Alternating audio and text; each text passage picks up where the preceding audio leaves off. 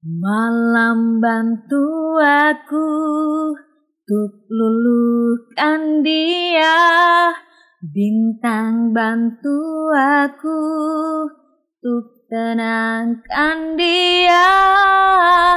Dari rasa cemburu Dari rasa curiga karena hati ini ku simpan hanya untukmu. Tenangkan dirimu Kau terlalu jauh. Sebenarnya aku Tak seburuk itu. Semua perjuanganku di belakang dirimu.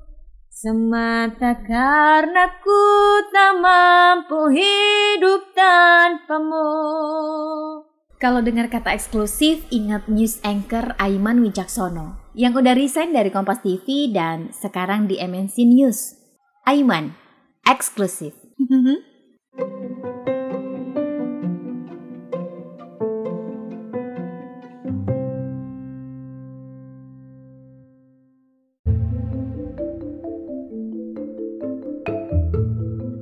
Episode ini adalah bagian dari tantangan 30 hari bersuara 2022 yang diselenggarakan komunitas The Podcasters Indonesia.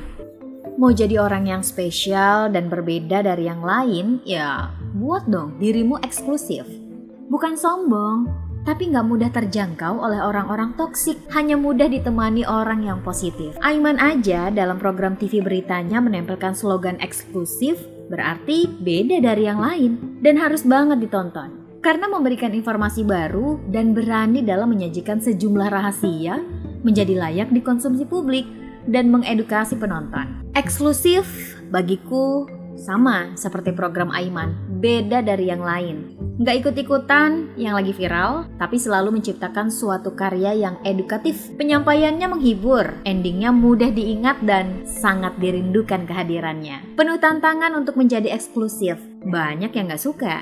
Nyinyir, iri, dan berusaha menyaingi. Mereka tadi tuh nggak tahu seperti apa seorang eksklusif membranding dirinya hingga orang lain menilainya eksklusif. Mereka itu taunya udah jadi pusat perhatian aja. Banyak yang suka, tapi nggak banyak yang bisa deket dengan seorang yang eksklusif.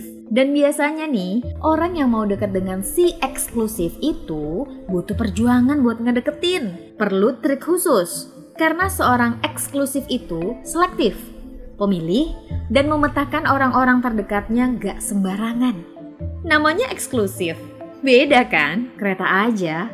Ada loh pembeda antara ekonomi, bisnis, dan eksekutif. Kalau yang eksekutif, harganya tentu lebih mahal. Kursinya aja lebih nyaman, ruangannya dibikin eksklusif. Rata-rata yang menggunakan kelas eksekutif, ya mereka yang gak mau keganggu dengan hal-hal yang bikin gak nyaman selama perjalanannya. Ya kurang lebih begitulah perumpamaan eksklusif. Cuma orang-orang tertentu aja yang disematkan julukan itu, karena terlihat sangat berbeda dari orang pada umumnya. Eksklusif gak berarti sombong, dia cuma beda. Karena personalitinya unik dan menginspirasi banyak orang.